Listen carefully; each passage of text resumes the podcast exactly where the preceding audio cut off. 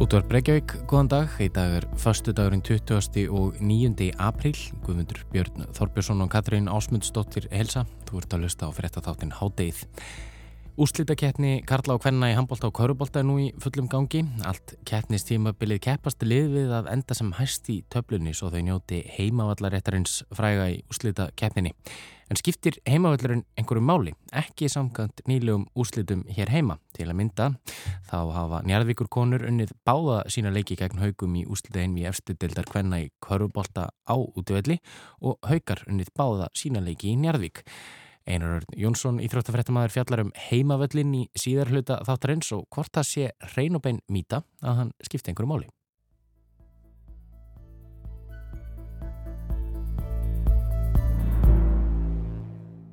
Rússar hafa nær tvöfaldatekjur sínar á sölu jarðefna eldsneitis til Evrópusambandsríkja frá upphafi innrásarinnar í Úkrænu fyrir um tveimur mánuðum.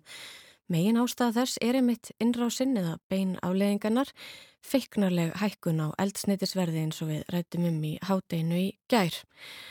Tekjur af eldsneitisölunni rata á endanum að mestu leiti í ríkisjóður Úslands og gera rúsum þannig kleift að fjármagna stríðið á sama tíma og þær vegu upp á móti þeim þungu efnahagsþvingunum sem fjölmörg ríki og Európusambandið beita nú rúsa. Rúsar treysta verulega á innflutning á ímiskunar neistlu, tækni og rafverum og velbúnaði, veitna helst frá Európaríkjum. Það þarf því vart að taka fram að efnahagsþinganirnar hafa haft viðtæk áhrif á líf almennings í Rúslandi og valdið ringulreið á rúsneskum fjármálamarkaði. En hvað með eina helstu nöðsin stríðs? Vopnin. Hvernig standa málinn þar í ljósi refsiðagerðana? Framlega rúsar allt sem þarf til í þeim efnum eða verða þeir að treysta á viðskipti við önnu ríki og hvernig gengur það þá nú á dögum? Gunnar Hafn Jónsson, bladamæður, kann betur svör við því og hann er sestur hér hjá okkur. Velkomin Gunnar. Takk. Hvaðan koma vopnin í stríðinu? Já, það er einmitt, það er koma, koma úr tveimur áttum. Það er sérstaklega annars vegar þar sem að rúsar hafa getað framleitt sjálfur og þeir hafa reynd að vera sjálfum sér nægir síðan mm -hmm. 2014 þegar að það voru settar fyrstu þvinguna aðgerðnar eftir grím uh, skæin var einlimaður og uh, þeirra var náða ákveðnum uh, ákveðinni getu í að framleiða sína eigin hérna, varalhuti en þeir uh, eru ennþá háðir örflögum og, og hátækni búnaði frá Asíu, til dæmis frá Tævan og Kína og, og öðrum löndum sem hefur emitt verið skortur á hvort sem er uh, undanfærin ár. Og hérna ég Eh, lestundum mjög áhugavert ritt sem að heitir National Defense og er bara áróðurs magasín sem er gefið út af uh, stærst, einum stærsta lobby-eðinaði sem er til er í heiminum sem er vopna lobby-eðinaðirinn þeir sem eru að representa eða eru forsvari fyrir vopnasölu menn í heiminum og þar stæraði sig af því emitt að hérna, uh, hafa samin að bandaríkja, bandaríkja þing í nöðsinn þess að kaupa fleiri vopn á næstu árum og spá gullöld og eða bara gull uh, greftri bara næstu árin út af þessu stríði sem nú er í uppsiklíku úr Úkrænu Í vopnarsölu? Eða sem að er í, í Úgrænu nú þegar, en er, í vopnarsölu. En er eitthvað sem bendir til þess að sko rúsar sé að kaupa vopnirinni frá þjóðum sem að hafa ofnbarlega fordæmt eh, innrúsina í, í Rúsland til dæmis? Uh, og eru þjóðir sem annars er að beita efnarstingunum? Nei, þeir reyna náttúrulega að fara fram, fram hjá þess að þeir geta, það er eh, reynda að kaupa frá einhverjum það bara, þeir sem eru með hátæknina eru að taka þátt í þessu þeir sem eru öflugastir í að pumpa út hátækni búnaði eru, eru flestir að taka þátt í þvingunni aðgeran þannig að rússar eru eitthvað í stakkbúnari, hins vegar er verið að muna að helmingur af öllum uh, sko í fyrra mm -hmm. var sett met í sölu á vopnum í heiminum. Það var 2,1 trilljón dollara. Það jafnkildir helmingi af allir í þjóðaframleðslu bandaríkjana til eins árs.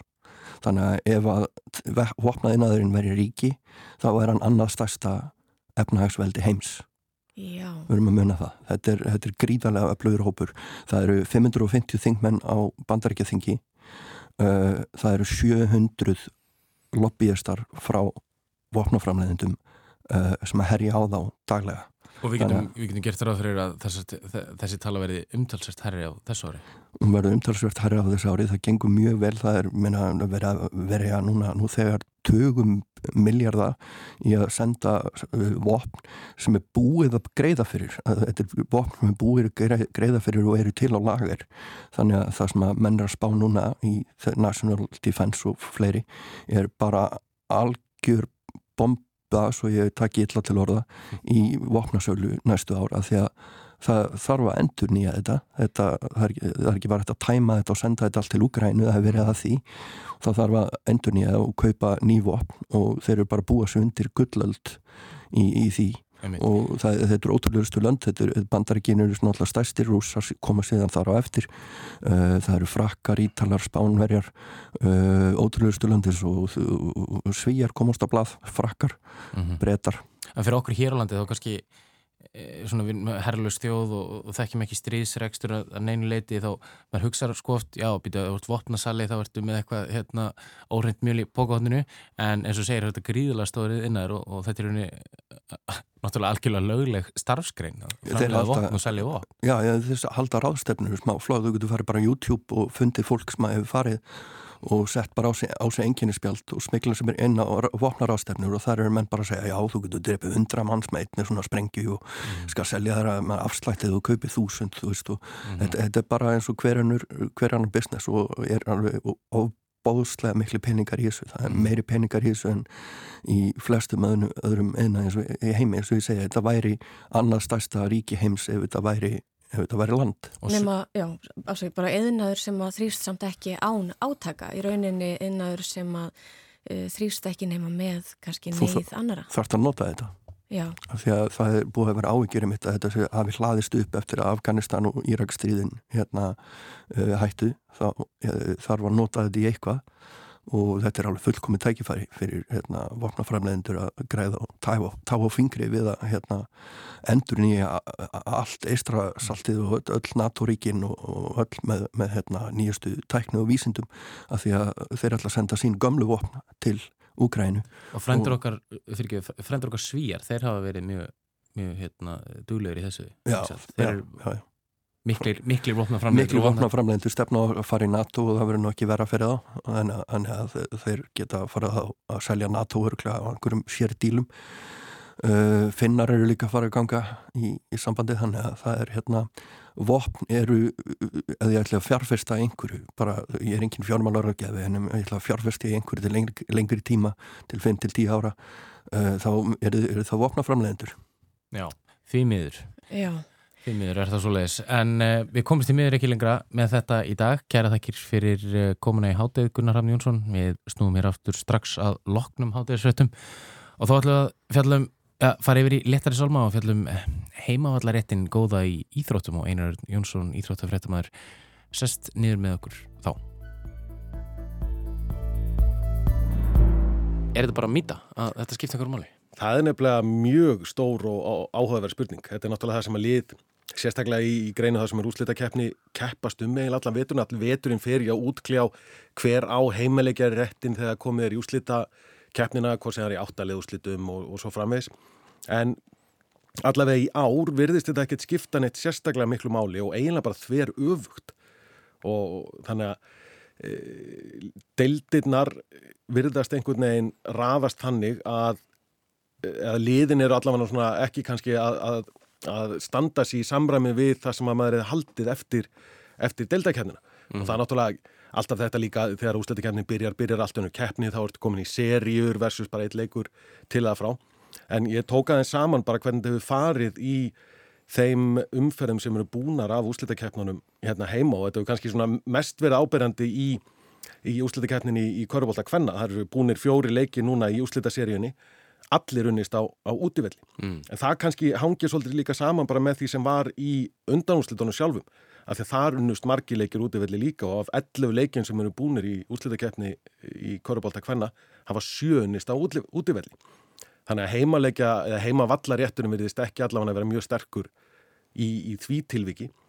Eh, ef við tökum handbóltan þá er svipað upp á upp á teiningnum þar í áttalegu úslitum unnust 7 af 10 leikum á útivelli og þar af allir í einví FH og Selfo sem svona fyrirfram hefði maður alltaf sagt að væru sterkir, sterkir heimavöldir sama í há haugum og, og káa káa svona með allræmdan og annálaðan heimavöll en haugarunni fyrir, fyrir norðan og káa vann á, á haugavöllum. Þannig að svona heimavöllurinn allavega fljótt á litið skiptir ekkert sérstaklega miklu máli í úrslitakeppnunum núna. Kannski frávikið eru áttæliða úrslitin í, í, í körfubóltan. Þar unnust einlega flestir leikir á, á heimavelli.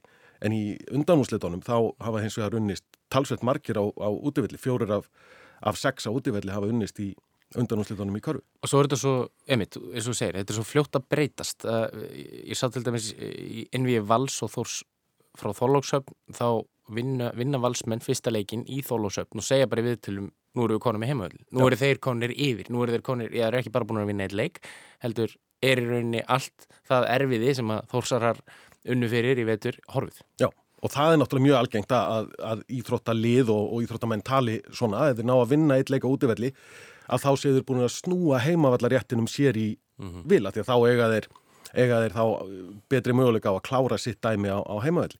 Og valsmenn sannlega gerðu það, og, en svo höfum við séð líka innvíði þar sem að liðin bara fara og sækja aftur sinn útivallarétt eða heimavallarétt í, í næsta leik. Og þetta er að gerast núna í, í úrslæfin í Körbólta Kvenna, ekki satt? Jú, algjörlega. Og það er Njarðvík búið að fara tvísvar á ásvelli og vinna hauka þar. Haukar er á móti búin að fara tvísvar til Njarðvíkur og vinna þar og svo er ottaleikur á sunnudaginn á, á ásvellum. Þannig ég held að það var allavega djarfan mann til að segja eitthvað að haukar hafi eitthvað forskot í þeimleika því að spila á, á heimavell. Mm. En, en hvað er, það, hvað er það við heimavallin eh, nú varstu, varstu sjálfur íþróttumæður eh, þekkir þessa tilfinningu að spila að heiman eða, eða á heimavalli eh, hvaðan kemur þetta að, að það sé einhvern veginn að þú fáir einhvern styrk og einhvern aukinn kraft? Er þetta kannski bara, eins og ég spurði hann er þetta kannski bara einhver mýta, er þetta bara í höstum á okkur?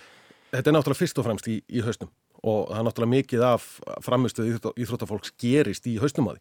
Og það sem er það sem að kannski íþrótafólk sjálft segir með heimaleiki og, og heimavallar rétt er þessi kunnuleiki, þú ert að spila í húsi eða á velli sem þú þekkir út og inn, það er allt kunnulegt, þú ert í þínum klefa, þekkir allt starfsfólkið og með meiri hluta áhraunda að, að baki þér. Og, og það getur alveg skipt máli að, að hafa stuðningin úr, úr stúkunni. En þetta náttúrulega hefur verið skoða svolítið af, af fróðari fólki en, en mér. Og ein rannsók sem ég raka augun í svona álektaði að það væri að heima valla bónusinn væri öfugur hlutfalli við getum. Sérst að, að e, bónusinn við að spila á heimavelli er í rauninni vangeta anstæðingsins til að ná fram sínu besta þrátt fyrir aðstæður. Mm. Að geta útiloka aðstæðunar út úr jöfninu og ná fram sínu besta samankvárt að spila. Og það er í öfugur hlutfalli við í rauninni getu liðana eða rætt að mæla sem er hægt að mæla náttúrulega bara með stegum og, og mörgum og, og öllu svo leiðis. Þannig að eftir því sem að lið verða betri þeim mun minni áhrif hefur það á þau að spila á, á útivelli eða heimavell. Eftir því sem að, sem að sérfræði þekking liða geta eikst því minni verður, verður heimalega bónusin. Mm -hmm. En svo, svo er spurning hvað er, hvað er svo að gerast þegar þetta komið, þú ert komin yfir í alveg hinpólinn að fleiri leikir vinnast á útivelli. Ef við tökum áttalega úslitin í korfinu útfyrir þá hafa 60% leikja í úslitakeppnum Karl og Kvanna í handbólta og korfbólta unnist á útivelli. Þannig að þá er spurning hvað, hvaða kraftar eru, eru þar að verki, er það þá einhver pressa við að spila á heimavelli eða eitthvað slíkt. Ég held við getum allavega álíkt að, að heimavöllurinn einn og sér gefur þér kannski miklu, miklu minna forskot en, þú, en, en margir kannski telja. Svo er spurning sko hvort þetta sé líka eh, mismunandi eftir, eftir íþróttagreinum og ef við erum komin til, til dæmis útlanda, það sem eru kannski eh, svona sögufrægir vellir eins og Anfield Road til dæmis sem er allir lögupól sem er oft svona talin er bara staðið sem getur ekki unnið á, getur ekki farað ánga og þá, þá er það kannski að fara inn í hausina og ef við tökum út fyrir svega lögupól er gott fókbaltalið en þá er það komið inn í hausinu aðstæðingunum að það, það er svo mikil saga hérna sko og það er ekki hægt að vinna hérna og allt þetta sko. Þetta, þetta, þetta skiptir þá rosalega máli og getur verið þetta með heimavallarréttina þegar ég hef ekki kannski tekið eftir þessu eins og þú varðandi fótboltan, er þetta öðruvísið þar? Heldur að þeir séu, heimavöldin séu sterkari þar?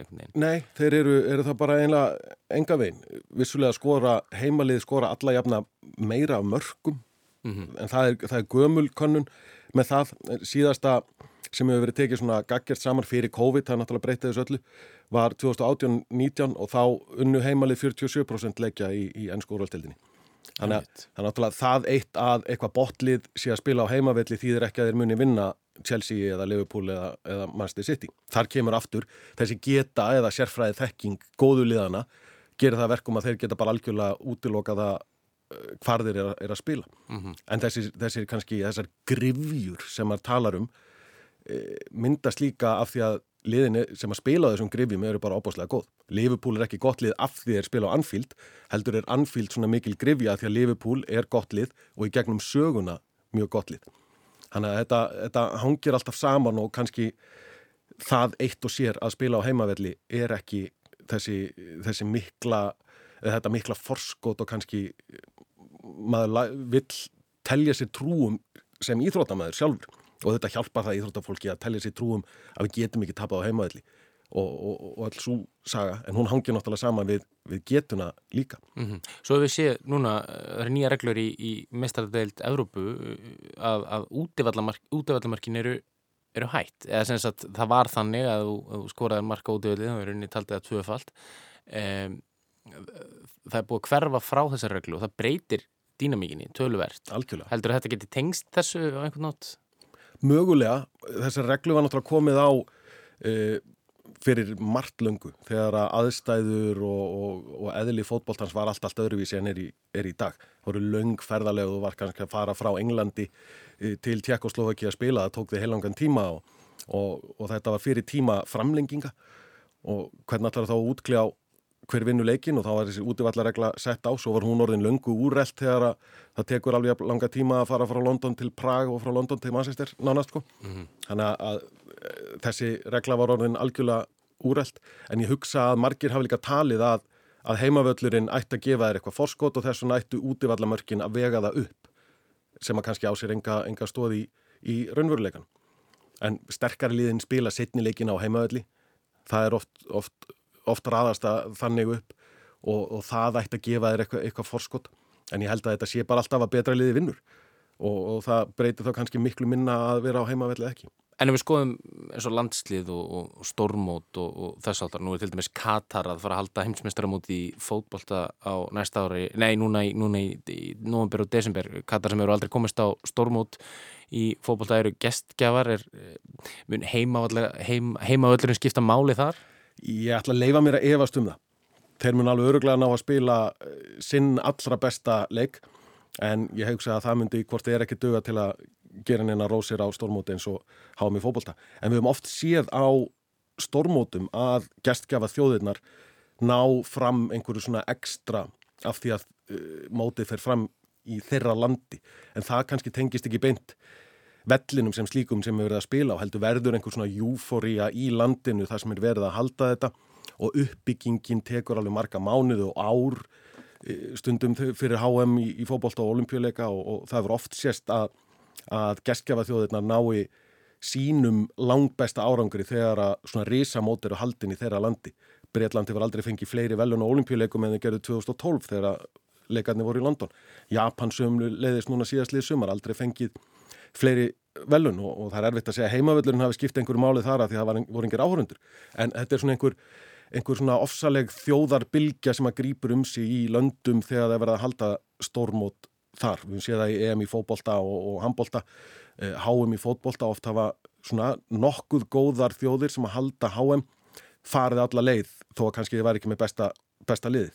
En það held ég að séu alltaf aðri kraftarverki þar en í með heimalíka rétt í einhverju sériu eins og í, í úsliðakernunum. Það er meira svona að þú, þú einhvern veginn flýtur ofan á bylgu af stolti og uppbyggingu margra mánada og, og ára þegar kemur að, að reysa mótunum.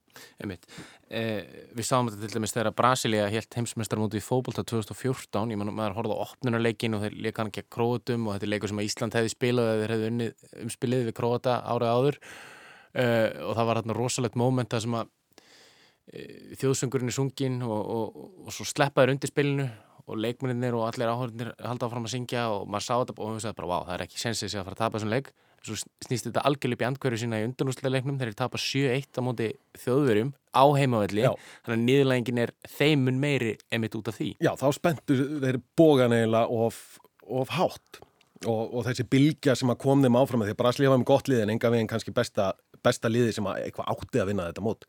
En svo þegar mæta, mæta þjóðverjum þá er neymarur og meittur og þeir lappa inn á með treyjunans, þetta var svona einhver alveg sjúgleg eh, tilfinninga sem í, í, í gangi og bladar hans brakk bara með, með miklum kveld og þar kemur aftur þetta sérfræði þekking þjóðverja var meiri en svo að heima valla kostur Brasilíu gæti eh, unnist, unnist á því. Það er þetta öfuga, öfuga hlutfall. Ef að liðinu er nógu góð þá vinnaði hvort sem eru að heimaðið útífelli. Einmitt. Alveg í lokin einar, ég ætla að fá til þess að spá í spilin núna í ljósi þessar umræðum um heimavöllina, útvöllina e, í úslagkeppni kallakvæna í, í handbóltanum og köruboltanum. Hvernig, það er alltaf eitthleikur eftir í hvernig köruboltanum á ásvöllum. Hreitn úslita leikur á, á sunnudaginn. Og tölfræðin segir okkur að Njarðvík lítur að vinna þann leik.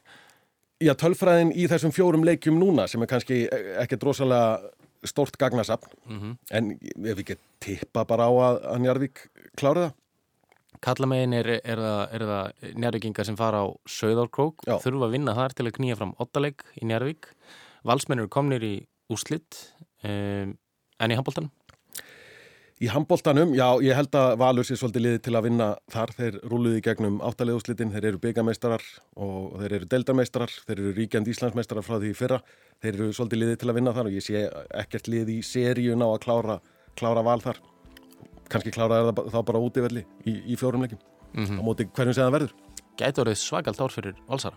Gæti orðið alveg ofbóðslegt ár uh, fyrir valsara ef að kallaliðin er að vinna í, í körunni, hvernaliði körunni reyndar náðu ekki í, í úsliti núna en þeir eru með lið kalla og hvenna í handbólta, fókbólta og körubólta í tilla bara áttu í öllu. Geta, geta enda með fimm stóra tilla eftir veturinn. Látum þetta vera lokárin í dag, kæra þakk fyrir komin í Hátegið Einar Jónsson. Takk fyrir mig. Hátegið er enda í dag og þessa vikuna Við heyrumst aftur eftir helgi.